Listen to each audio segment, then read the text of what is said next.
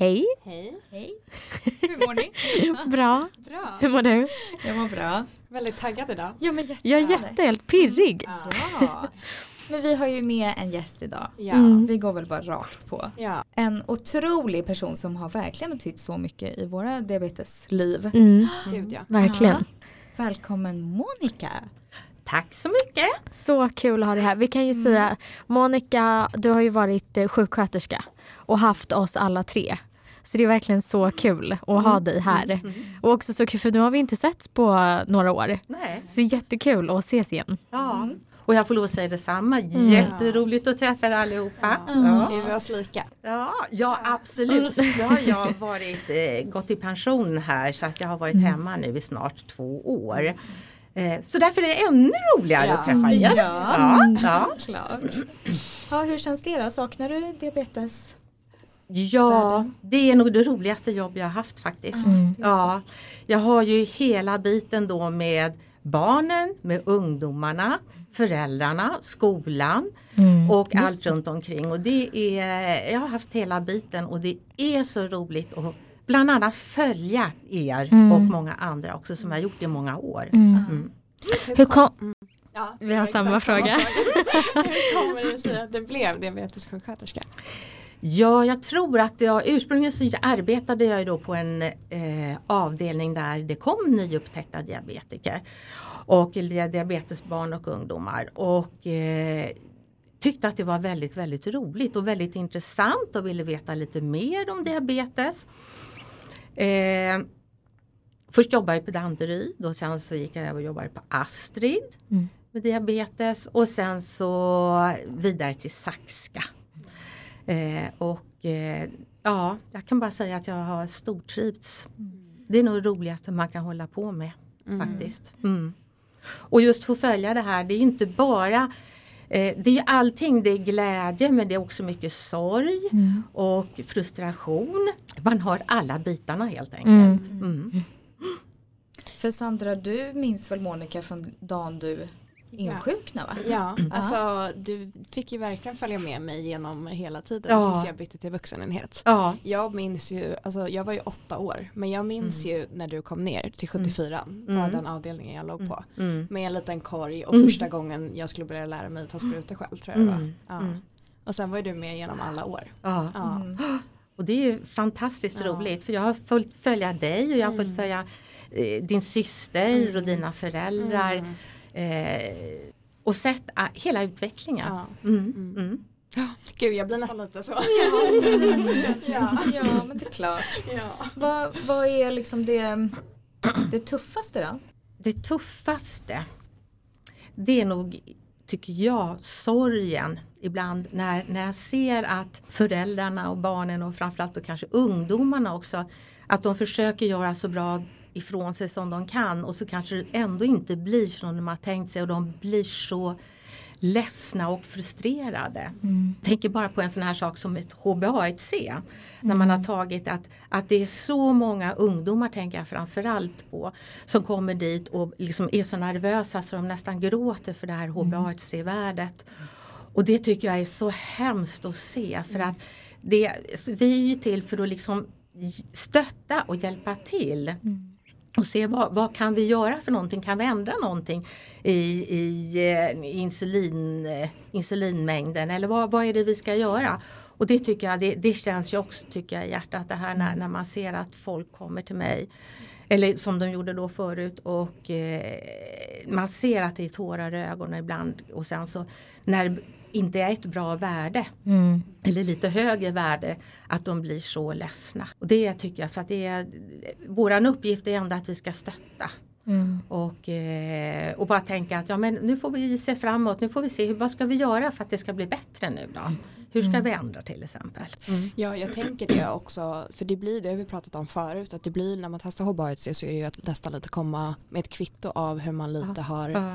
Alltså hur det har varit under Mm. sista tiden. Mm. Så det är ju Mm. många som känner väldigt mycket press kring Mm. det. Och det ser jag verkligen. Mm. Så att det, det tycker jag är lite tufft. Och sen så tycker jag också när man ser eh, när föräldrar kommer med sitt barn eller sin ungdom kommer in till med nyupptäckt diabetes. Och man ser föräldrarna som är så eh, vilken reaktion det blir på föräldrarna. Och, och de flesta föräldrar är ju, och det är inte så konstigt, kanske ungdomarna och barnen också, att de blir ledsna. Men, men eh, det tycker jag också tar mycket på dem när de är så ledsna i början. Mm. Och man försöker säga ta en sak i taget nu, nu tar vi en dag i taget. Mm. Och sen så för en förälder att hålla i ett barn första, andra, tredje sprutan, det, det måste kännas. Mm. Mm. Mm. Jag och eh, Felicia vi var ju bara ett och tre. Mm. Så jag, vi minns ju ingenting. Du minns kanske inte heller jättemycket Sandra från den tiden. Men jag tänker hur går liksom själva processen till typ när man blir inlagd då Mm. med diabetes? Vad, vad är er uppgift och vad liksom, hur, hur lär man upp en familj? Vi har ju, eh, man kan säga att vi har som ett litet schema. Men det som är det absolut viktigaste det är att känna in vad jag har familjen. Man kan inte liksom gå på en familj och, eh, med, och, och lära ut diabetes när man känner att man inte har med sig dem. Mm. Så att det där måste vara väldigt mycket inkännande. När kan jag sätta igång helt enkelt? Och eh, det är förstås otroligt viktigt att båda föräldrarna, när det är barn och ungdomar, men att det är båda föräldrarna som är med. Mm. Så att de får samma, eh, att de hör exakt vad det är jag säger helt enkelt. Mm. Och sen ser det ju väldigt olika ut också. För vissa föräldrar kan ju ta, ta till sig det här på en gång. Men för vissa föräldrar är det ju svårare och, och det ser ju lite olika ut och det måste man också vara väldigt lyhörd med.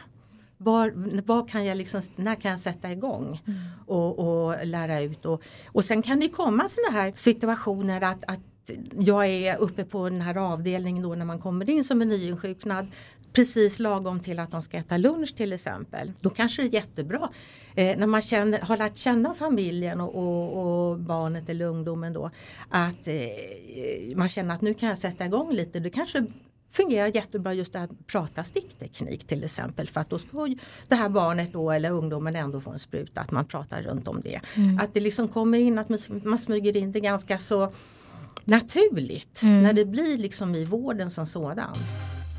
Jag tänkte bara höra hur, alltså när man diagnostiserar någon med diabetes, tar man ett blodsocker och that's it? Eller hur vet man att man har diabetes? Egentligen så är det egentligen ganska så lätt för att tar man ett blodsocker som ligger högt Helst ett fasteblodsocker så att man inte har ätit innan utan Mm. att man är tom i magen. Ett fasteblodsocker och sen så ett kissprov helt enkelt. Mm. Och är det så att det är mycket socker i blodet och det är mycket socker i urinen då är det nästan alltid så att, att det är eh, diabetes. Och i Mm. de flesta fall så är det ju faktiskt typ 1 diabetes när det är barn och ungdomar. Hur skulle du förklara typ 1 diabetes för någon som inte vet vad det är? Först skulle jag ju gå på symptomen. att man börjar dricka mycket, Mm. att man börjar kissa mycket, man är trött och man går ner i vikt. Sen finns det massa små andra symptom också men det här är liksom de klassiska symptomen. Och det här betyder ju då att eh, man vet ju fortfarande inte vad det är som gör att diabetes bryter ut. Man har ju olika teorier och man har pratat om miljö, man har pratat om infektioner och antagligen är det så att, att det är en mängd olika faktorer som gör att diabetesen bryter ut helt enkelt. Mm. Och det är inte ovanligt att det kan vara i samband med att man har en infektion helt enkelt. Och kroppen har försökt göra så mycket insulin som möjligt. Ibland brukar man prata, som, prata om det som att, att det är en trappa. Och så är det olika saker som händer och när det är någonting som händer så tar man ett trappsteg och sen så står man kvar. Och sen så kanske det blir någonting annat och då tar man ett trappsteg till. Mm. Och till slut är man nere på platån och då, Mm. då får man ju alla de här symptomen helt enkelt. Och eh, det är ett akut förlopp så att in, det är en, två veckor och det, och det blir sådana symptom. Så där kan man inte Eh, där förstår man ju verkligen att, att nu är det någonting som inte är bra och då åker man ju in till sjukhuset eller till vårdcentralen helt enkelt. Mm. Och då kan man ju väldigt lätt, är det så att man har ett högt blodsocker och ett eh, mycket socker i urinen så då får man ju åka in till sjukhuset. Mm. Och de flesta åker ju in innan de hinner bli dåliga men sen finns det ju också barn och ungdomar som hinner bli så dåliga så att de hamnar på intensiven ett, eller några dygn då, då innan Mm. man har rättat till det där helt enkelt. Mm. För att då är ju syra-basbalansen så rubbad så att då måste man ha extra eh, övervak och extra eh, dropp då med det, Mm. som, det man behöver. Mm. Har man något tidsspann typ på hur länge man kan gå med det utan att veta innan det blir så akut? Alltså jag, jag tror ju att, att eh, det blir bara mer och mer och mer helt enkelt. Så att eh, eh, då bara känner man att, att det är något som är- galet helt enkelt. Och sen är det ju så att intranät eller nej, vad heter det, eh, man, man kollar på Google, alltså un- många ungdomar de googlar ju Mm. och eh, på de, de symptom som man har haft eller har och eh, kanske kommer till mamma och pappa och säger att nej men du jag tror att jag har diabetes. Och då säger föräldrarna alltid nej det tror jag inte. Men då åker man in till sjukhuset och, och sen är det ju som ungdomarna ibland tror Ja. och märker att det är så är det ju helt enkelt. Det blir ju mer och mer. Det här med att man börjar dricka mer och mer och mer, man måste planera för natten, att man har sina en och en halv liters flaskor och man är uppe och springer på nätterna. Så att det är, alltså symptomen blir så klara. Framförallt på eh, lite äldre barn och ungdomar. Är det små barn då går det ju väldigt väldigt fort och de har ju också, är de väldigt små under år så har de ju svårt att, kan de inte tala om att de mår dåligt. Och, då blir, och de småbarn blir ju också oftast eh, sämre väldigt mycket snabbare. Mm. Vilka värden har du sett liksom nyblivna diabetiker komma in på? Alltså jag tänker skulle någon kunna komma in på typ 10-12 och ha diabetes? Eller kan det vara fortfarande en icke-diabetiker som bara går upp lite efter Förstår du min Ja, fråga? jag förstår precis. Mm. Eh, det kan vara så.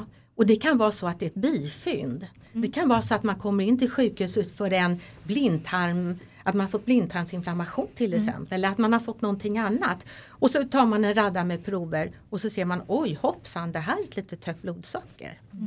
Och är det så att man fortfarande mår bra och bara ligger 10-12, alltså det, då kan man göra så att man kan man kan lägga in dem och göra alltså, barnet eller ungdomen och göra en sån här blodsockerkurva för att se hur reagerar man före måltiderna Mm.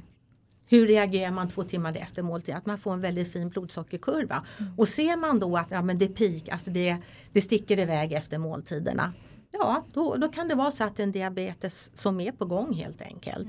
Men det kan också vara så, så var det i alla fall när jag arbetade förut, att ibland Kommer man väldigt tidigt då kanske det är så att man inte kan göra så mycket utan man får säga det är för tidigt att sätta in insulin utan vi får vänta, du får åka hem helt enkelt och så får du ta blodsocker eh, några gånger per dag eller eh, några, så man får se en blodsockerkurva och så får du ett snabbt återbesök så får vi se vad som har hänt. Mm. Mm. Under den tiden som du eh, har jobbat, Mm. Vad har du sett för liksom, förändringar i typ dels behandling Ja. men också vad man vet om diabetes? Om vi börjar med behandling så har jag sett otroligt mycket som har hänt bara på mina då 20 år som har jobbat. 20-25 år som har jobbat med diabetes. Dels med alla hjälpmedel, pumparna, den här kontinuerliga blodsockermätningen som man har. Det vi gjorde när vi Eh, när vi hade någon som kom på återbesök till oss då tittade vi väldigt noga, eller det, det gör man ju nu också, på blodsockerkurvan för att se var någonstans dippar man till exempel eller var någonstans sticker man iväg och så försöker man ordna det så bra som möjligt. Så att det har ju ändrats. Och, eh, och, och det är väl, det är klart att det är väl fördel att, att man kan se det. Även på nätterna så blir det en trygghet för föräldrar och så också att de kan se.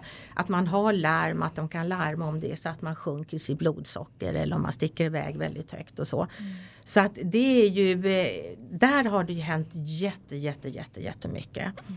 Och det har man ju också sett att i och med att, att man ligger så pass mycket bättre i sitt blodsocker så, så mår man ju också, kroppen mår ju väldigt mycket bättre. För att förut så kunde man ju till och med eh, få lite komplikationer att man hann se det redan på ungdomar.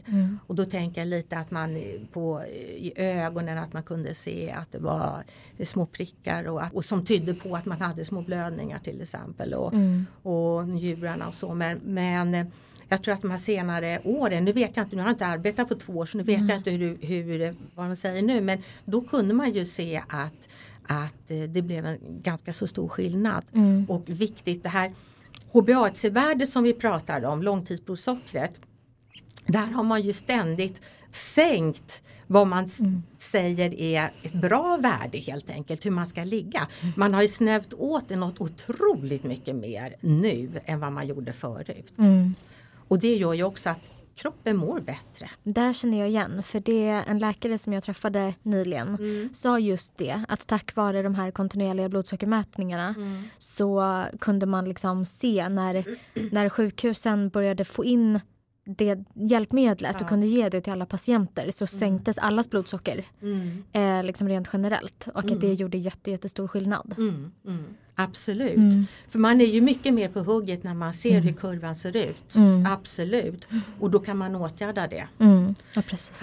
Och jag tänker också att insulinpumpar har väl blivit mycket bättre. Typ nu för tiden kanske man sätter det på spädbarn va? Som får Ja, diabetes. ja. Oh, ja. För Oh, typ ja. när du fick din första pump tror jag Felice. Mm. Då tog ju du så små insulindoser så det blev stopp i den hela tiden. Mm. Så det Så det inte gick alls. inte då. Nej. Så Ja. det är ju otroligt bra också. Det är fantastiskt bra Ja. och eh, just småbarn är, alltså, de sätter vi pump på Mm. i första hand. Ja, det är så. Ja, ja det, det gör man ju definitivt och det är ju för att man får en så pass mycket bättre blodsockerkurva och balans. Och man kan till och med om det är väldigt små barn så kan man späda insulinet och ge så att det är precis som du säger att det inte blir stopp i slangen. För förr i tiden så var det ju det att det, det var så små mängder så det var lätt att det Mm. blev stopp. Ja, Mm. Så det är, ju, det är ju fantastiskt och likadant de här nya pumparna som, som eh, till en viss del men det beror ju också på, då måste man ha det system, systemet till pumpen då. Det här med att man kan kolla blodsockerkurvan och att pumpen kan ge det som, som man ligger då helt enkelt. Att den pytsar ut en mängd insulin och, och att den varnar. Och, det är fantastiskt, alltså mycket, otroligt mycket som har hänt med Mm. pumparna. Mm. Mm. Jag har en fråga kring eh, kolhydratsräkning. Mm. Mm. För det upplever eh, jag i alla fall att vi får lite olika liksom, synpunkter på. Vissa Ja. tycker att kolhydratsräkning är superbra Mm. medan andra menar att det inte alls funkar för dem för att det är så mycket annat man också måste räkna in när Ja. man gör sin dosering. Ja. Hur tänker du kring kolhydratsräkning? Kolhydratsräkning tycker jag är bra. Mm. Det tycker jag är jättebra. Men det är precis som du säger, man måste ta eh, hänsyn till andra faktorer också. Mm. Det här om man är sjuk till exempel, om man idrottar mycket, rör mycket på sig. Mm. Det behöver inte att, att man idrottar, man kanske har ett arbete där man rör väldigt mycket på sig. Det är väldigt mycket faktorer som styr Mm. det här. Och det tänker jag också att ni blir specialister på det. Ni blir specialister på er kropp. Och man måste liksom lära sig känna, känna eh, hur, hur man mår helt enkelt. Mm. Och eh, man måste pröva sig fram helt Ja. enkelt. Ja, vi alla tre har väl haft lite svårt för att få in det. Mm. Mm, Jag vet inte hur många kolhydratskurser man har gått på. Men jag tror det också är för att man kommer ofta fram till samma. När man Ja. själv Ja. räknar Ja. på det. Nu när man också haft det så Mm. pass länge. Mm. Jag tror att eh, precis det är helt rätt som du säger för att när, när man låg på 74 som var den här eh, avdelningen som man hamnade som en nyupptäckt diabetes så, eh, så var det ju så att förut så hade man inte den här kolhydraträkningen men det har man ju nu på senare år har personalen är jätteduktiga så redan när man kommer in så börjar man räkna kolhydrater Mm. och då har ju du det redan från början och det är en väldigt stor skillnad mot när, när man inte har varit med om det här och sen Nej. sätta igång. För det, det är ett litet motstånd, absolut. Och det kan jag förstå. Mm. Mm. Men det är ju som du säger, för att alltså, man har ju emellanåt har man ju saknat någon slags instruktionsbok. Alltså det hade ju varit så Mm, skönt om det mm. bara fanns så här gör man, punkt Mm. slut, svartvitt. Ja, Men så är det ju inte. Nej, nej. Men oavsett om man räknar kolhydraterna exakt så kan man ju använda sig av liksom, mängden kolhydrater kan ge en litet hum och man kan, Mm. om man är medveten om om kolhydraterna är snabba och långsamma Ja, och sådär. Mm. Så att man kan ju fortfarande använda det även om man inte räknar och väger sin Ja. mat på grammet. Liksom. Mm. Jag tror att man måste hitta själv vad, Mm. vad man, eh, det man eh, känner att eh, är bra för en själv helt enkelt. Mm. Vad som fungerar. Därför att eh, är det så att man inte blir vän det här med kolhydrater då, då är det dömt att misslyckas. Mm. Att man tycker att man jobbar och jobbar på och sen Man måste hitta sin egen väg helt enkelt. Och Mm. sen tror jag också om man har haft diabetes länge så blir man ju expert på det också. Mm. Så att man vet på ett ungefär hur mycket insulin man ska ta till man äter. Mm. Sen kan det komma nya rätter och då kan det vara bra med kolhydraträkning helt enkelt Mm. också. Framförallt tycker jag när man såg föräldrar Mm. att, att när de kom in i det här så, så kände de att det, det kände, de hade något att bygga på helt Mm. enkelt. Ja det kan jag verkligen tänka mig. Mm, mm. För jag kan ju tänka mig om jag skulle hjälpa någon annan med vad den Mm. skulle ta. Jag vet ju bara, jag vet ju exakt vad jag ska ta. Mm. Men jag hade ju aldrig kunnat säga vad någon annan ska ta. Nej. Så att som du säger, som anhörig eller förälder så måste det ju vara jätteskönt att kunna Mm. få hålla sig till något. Ja. Liksom. Det finns någon typ av regel. Ja, det blir lite, lite fyrkantigt och Mm. det kanske är skönt när Mm. man är eh, precis är ny med allt det här. Precis. Ja, hur började man ens förut? Jag tänker typ när jag fick diabetes. Ja. Jag vet ju att jag började ta typ en och två enheter hit och dit. Men Mm. vi testade väl oss fram gissar jag. Ja, ja, ja, precis. Och sen är det ju också så när man precis har kommit in med nyupptäckt diabetes då har man ju en viss, då har man ju lite kvar av den här Mm. insulinproduktionen och det blir svårare att styra upp det också. Mm. Då. Kan man säga hur länge man kan ha kvar egen insulinproduktion? Eller är det också väldigt individuellt? Det man sa förut var att när det var små barn, deras egna produktion försvann snabbare. Det kunde vara Okej. ja, någon månad eller några månader. Mm. Medan om man är tonåring och får diabetes så hade man produktionen kvar lite längre. Mm. Men det man kan se oavsett om man är barn och får det eller när man är ungdom och får det. Då märker man ju på att man har ett ökat insulinbehov Mm. mot vad man hade förut. Ja, precis. Så att det, det är egentligen så man ser det att nu behöver jag mer insulin helt enkelt. Mm. Sen är det ju det att som tonåring har man mycket hormoner, tillväxthormoner och det behöver man ju också en period när man behöver mer insulin. Så att det är mycket olika faktorer som styr det där. Ja, och just ungdomsåren och liksom puberteten och allting. Mm. Det är ju jätteintressant. Men innan så har jag bara en fråga kring... Som, jag vet inte om man kan säga att det går ihop med kolhydraträkningen eller inte. Och nu har jag ingen källa. Men Mm. Jag har ju förstått det som att det är vanligare bland diabetiker Mm. att få olika typer av ätstörningar. Mm. För att man hela tiden kanske måste vara så medveten om vad man äter och hela Ja. tiden, jag vet inte om det nödvändigtvis har med kolhydraträkningen att göra, men man måste ju hela tiden tänka på vad man äter och när man åt sist och när ska man äta igen. Ja. Känner du igen det? Ja, det gör Mm. jag absolut. Det, är, och, och det tror jag också man har studier på att man har sett att eh, mat är ju så förknippat med Mm. att man, alla måste ju äta. Mm. Och eh, har man då eh, diabetes då måste man ju också då eh, ha rätt mängd insulin till den man eh, mat man äter och man måste äta regelbundet. Det ska väl alla göra men, men det är ju ännu viktigare när man har diabetes Mm. eftersom man då har insulin som man tagit också då.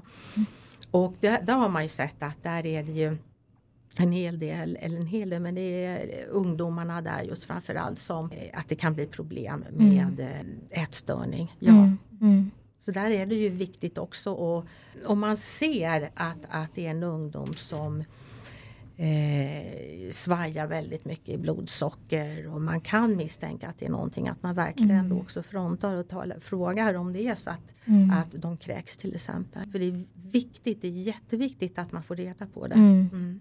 På tal om det då, ketoner och så. Ja. Vad är det liksom som händer i kroppen då? Tänker jag. Mm. Eh, ketoner, om du inte har tillräckligt med eh, insulin i kroppen så, börjar, eh, så börjar ju kroppen då, och man måste ju få in sin energi helt enkelt in i blodet. Det man, det man äter måste ju komma, ma- så att man inte kissar ut näringen och då blir det ju så att då börjar kroppen förbränna, vi säger egentligen fettet men det är ju inte bara fettet utan man börjar förbränna helt enkelt och då bildas det syror. Och det är de här syrorna som är så farliga. Och det kan man ju dö av, de här Mm. syrorna. Eller en ketoacidos som man säger. Och eh, det är ju inte så ovanligt om man får ett pumphaveri att man kan få en syraförgiftning. Och de här symptomen på en syraförgiftning det är ju det här med att Eh, att man mår så fruktansvärt illa och man kräks helt enkelt och eh, hela kroppen blir, alla organ blir ju påverkade av det här helt Mm. enkelt. Så det är ett farligt tillstånd. Mm. Och det som behövs är ju insulin då och är man riktigt dålig så hamnar man ju på intensiven först. Vi var säkert lite inne på det men en fråga som jag tänker dyker upp väldigt mycket och som man själv får väldigt Ja. mycket är ju varför man får diabetes typ 1 Ja, och som är väldigt svår att liksom Mm. svara på. ja. Hur bemöter ni den liksom eller gjorde Mm. när den kommer kanske från föräldrar och Mm. sådär? Det är, ju, det är ju inte en ovanligt. Det är klart att alla föräldrar frågar. Det är ju lite ärftlighet, men väldigt lite. Om det är så att pappa har typ 1 diabetes då kan det vara 5 till 6 procents risk att barnet får det. Har mamman typ 1 diabetes då är det 3 procents risk eller chans att barnet får. Så det är ju en väldigt liten del det här med, med ärftligheten utan det är Mm. andra faktorer. Och då har man ju pratat om att man ska ha en viss typ av gener för att det ska kunna ge upphov till diabetes. De har sagt att nästan hälften av, av befolkningen har den här typen men det är ju inte, det är ju inte alla som får diabetes. Så det är ju andra faktorer också. Så att lite genetik då, då men inte så mycket. Sen har man pratat om infektioner av olika slag. Man har pratat om eh, stress, att det är någonting som händer i, inom familjen, en väldigt stor händelse. Att, att det påverkas miljön har man ju pratat om. Maten har man ju till en viss del pratat om. Och sen det senaste tror jag ändå är att man har också tagit upp det här med eh, tarmbakterier också. Mm, mm. Men det vet jag inte hur långt man har kommit. Det kanske är att de har ändrat men, men eh, det vet jag bara på tapeten då när jag, innan jag slutade mm, för två år sedan. Okej. Man, man kan säga så här att det måste vara många olika faktorer. Det kan inte, man kan inte bara peka på en sak utan att det är en mängd olika faktorer som gör att, man, att det just bryter ut helt enkelt. Jag tänker att både jag och Felicia som systrar Ja. har fått det. Om du får liksom spekulera fritt. Tror du att det är en slump? Det här är ju något jag inte kan släppa. Nej. Det här, Nej, det här jag tänker förstår jag det. på. Mm. Ja. Också tänker jag utifrån Ja. när vi har ställt frågan eh, vad våra lyssnare tänker Ja. så får ju vi ofta in att det är flera i familjen, det är syskonpar, Ja. alltså en Ja. hel del ändå som svarar det Ja, eh, och så vidare. det är nog lite högre ärftlighet. Ja. Mm. Ja, tror jag. För att vi har ju jag menar, eh, och det är inte så konstigt heller när man jobbar en sån, på en mottagning med diabetes så har vi träffat på flera eh, i familjen. Mm. Och det kanske kan vara flera barn men eh, syskon då men, och det kan ju också vara kanske mamma eller pappa. Mm. Men det, det är inte så väldigt vanligt ändå har jag upplevt Nej. med tanke på alla som, som går hos oss eller Mm. ja, när jag jobbade då helt Mm. enkelt. Men visst är det så, så det är nog lite ökat. Mm, det Ja. tror jag. Mm. Har du, när du började jobba med det här, Mm. har du sett liksom att det har ökat mycket? Alltså Ja. insjuknande och Ja. diabetes? Mm. Och, eh, och framförallt fler småbarn, barn under tre år. Ah. För att i början när när jag, bör, när jag började jobba med diabetes så var det inte så, tycker jag, upplevde inte jag att det var så många barn under tre år. Nej. Men det har man ju verkligen sett på att, att det är fler barn under tre år som får. Och då har man ju haft också en teori att de här barnen som får diabetes när de är under tre år, de kanske skulle förr i tiden kanske de skulle ha fått diabetes men att de var äldre. Nu är det någonting annat som har triggat igång så att de har, blivit, som har fått sin diabetes när man var yngre helt enkelt. Mm. Tror man att det skulle kunna ha att göra med alltså liksom tiden vi lever i och hur människor lever idag? Att det utvecklas snabbare eh, än vad det hade gjort för en tid sedan. Förstår du Ja, frågan? Ja, ja. För jag tänker det händer ju mycket i liksom hur vi människor lever och hur våra Mm. dagar ser ut och vad vi eh, liksom exponeras för. Ja, absolut. Det, det kan jag nog tänka mig men det är min privata Mm. åsikt, min egen åsikt men, men, men det, det tror jag nog Mm. helt enkelt att det kan vara. Jag tänker bara man pratar om miljö, man pratar Mm. vad man stoppar i sig och så också. Så att det är, så kan det ju vara. Jag tänker att vi ska ta lite lyssnarfrågor vi har fått in. Ja. Någon som har spekulerat lite om bukspottkörteln. För när man får diabetes så är det ju bukspottkörteln som slutar producera insulin.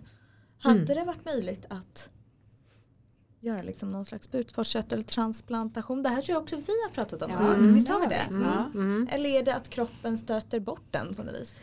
Eh, Det är För en att- jättesvår Har fråga. inte det Ja, jag, Alltså, ja. jag tycker Alltså jag tror att det är, eller jag vet ju, alltså för det första så har vi ju pratat väldigt mycket om i Sverige här att att dels har vi varit väldigt dåliga på att donera olika organ, att vi haft en organ, eh, organbrist helt enkelt. Mm. Och sen är det så att man väldigt sällan Eh, som jag har förstått det eh, opererar enbart att, att, det är, att man byter att man eh, tar bort bukspottkörteln och får en ny utan då är det andra organ också. Då är det kanske njurar som är inblandat, att det är flera organ om man gör en sån här organtransplantation helt enkelt. Mm. Men sen har man ju också gjort flera olika, det här med att man har eh, tagit betaceller.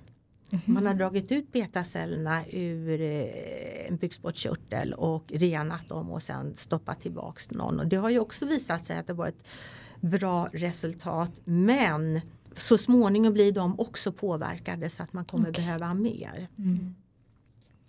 Men eh, och, och nu vet jag inte, nu har ju inte jag varit eh, med i det här på några år så att det är mycket möjligt att man har kommit fram till någonting som eh, ännu mer här nu helt enkelt. Jag får ju oftast frågan av, eller fick ska jag säga, eh, frågan av föräldrar då att kan inte jag när man har ett barn eller en ungdom som kommer med en nyupptäckt diabetes. Kan de inte få min bukspottkörtel? Kan de inte få mina betaceller? Kan inte jag transplantera? Och det fungerar ju inte. Det, man gör ju inte det helt enkelt. Nej. Nej. Så det, det går ju inte. Några andra frågor vi har fått in är om mens Ja. och diabetes. Ja. Varför det är svårt liksom att, att reglera. Jag vet inte vad ni har för erfarenhet om ni kräver mer insulin. Jag har inte jättebra koll på min erfarenhet Nej. kring det. Nej, men jag tror att många ja, känner att det är en svår period Mm, just mensveckan. Att Mm. man är Och också veckan innan tror jag. Och att liksom, för det kan man väl säga, jag tror att säkert att det kan liksom skilja. Så har Mm. jag förstått det när jag har Mm. pratat i alla fall. Mm. Men generellt då att under menscykeln Mm. så varierar insulinbehovet Mm. Mm. väldigt mycket. mm. Känner du Absolut. igen det också? Ja. Ligger det någon liksom sanning i det här? Ja, Eller vad man ska säga. De flesta brukar ju säga att de sticker iväg sitt blodsocker eh, dagarna före eller dagen före Mm. att man innan mensen bryter ut helt Mm. enkelt. Mm. Och sen beror det ju också på Får man väldigt ont till exempel, då blir det ett stresspåslag och då Just kanske man också sticker iväg sitt blodsocker. Just det. Ja, så att det, ja, det, kan, det kan vara lite lurigare helt Ja. enkelt. Men har det något mer då liksom hormonet i kroppen? Ja, som, ja. att- hormonet eh, som gör då att man blir kanske mer res- resistent mot insulinet Mm, okej. helt enkelt. Och är det lite samma då tänker jag under typ puberteten? Ja, absolut. Tillväxthormonet gör ju att man blir mer resistent mot insulin och kräver oftast mer insulin helt enkelt. Plus att det blir ju väldigt, väldigt hoppigt. Mm. Mm. Det kan det bli. Alla behöver inte ha det men, men eh, en hel del känner nog igen det där helt Mm. enkelt. Ja. Mm. Så svårt, där får man väl bara laborera lite då, antar jag. Testa sig fram kanske. Ja, man, Mm. precis. Man, ja, ja. Och nu med alla nya hjälpmedel och allting och blodsockerkurvor som man kan följa så kan man ju se tydligt också var någonstans det är så att, att man behöver lite mer insulin helt Mm. enkelt och pytsa på. Men du sa ofta dagen innan mens som det brukar. Ja, Mm. dagen innan har i min erfarenhet i Mm. alla fall att de flesta säger att, Mm. att de sticker iväg. Mm. Men det kan ju vara bra tips. Då kan man börja hålla koll några dagar innan man Precis, man får ju börja och försöka få koll på sin egen cykel först. Ja. Och sen lägga ihop ett och ett liksom. Om Mm. man kan få ut något mönster. Eller vad man ska säga. Mm. Sen är det också komplikationer som många frågar om. Och jag Mm. tänker först och främst vad, vad skulle kunna vara de vanligaste komplikationerna man kan få? De vanligaste är ju det man pratar om när man pratar om komplikationer. Det är ju ögonen. Att det blir små blödningar, de här små, små, små blodkärlen som man har i ögonen. Mm. Och sen så njurarna, att man börjar lä- läcka äggvita eller protein då. Mm. Och eh, sen pratar man ju också en hel del om eh, att man får sämre känsel till exempel för det blir sämre blodcirkulation bland annat i fötterna. Men, men framförallt så skulle jag nog tro att det är njurarna helt enkelt och ögonen. Ja, det du sa där innan fötterna, vad innebär det? Den har inte jag så bra koll på. Njurarna? Ja. Nej. Eh, Att det läck, Ja, just det, Ja. precis att man får ett högre blodtryck då helt enkelt. Mm, Mm, okej. mm. Det är det som gör. Mm. Ja, och då har vi också fått från en lyssnare som frågar om man kan ha diabetes typ 1 eh, utan att få några komplikationer om man lever ett liv Ja. med diabetes. Ja, jag har nog hört talas om att, att det finns folk som, har, som inte får komplikationer men, men eh, jag vågar inte svara på hur pass vanligt det är eller inte. Nej. De flesta får ju, har man haft diabetes väldigt länge så får man komplikationer. Mm. Men där ser man ju också tror jag nu en stor skillnad därför att sköter man sig och när jag säger sköter sig så är det ju att blodsockret, att man balanserar blodsockret så påverkar det väldigt mycket positivt. Otroligt mycket positivt. Mm. Så det kan ju också vara så att, att nu i långa loppet med alla hjälpmedel och allting så kanske det är så att eh, att man inte kommer få lika mycket komplikationer. Mm. Nej exakt, att det blir mindre och mindre. Mm, mm. Ja och det är någonting som vi brukar försöka liksom påminna om att även om det känns hopplöst ibland så kan ju vi ändå påverka det här själva. Det finns Absolut. andra sjukdomar där man inte kan göra det Mm, eh, men vi kan ju det. Mm, mm. Och det tycker inte jag man ska glömma bort för det gör ju att man känner lite hopp liksom. Det Ja. behöver, man, man kan göra väldigt mycket liksom. Precis. Så är det. Mm. Mm. Men bra hörni, jag tänker att vi rundar av det här avsnittet. Ja. Mm. Så hörs vi en del två. ja. Ja. exakt. Bra. Tack så mycket Monica. Tack, Monica. Hörs snart igen. Ja, tack.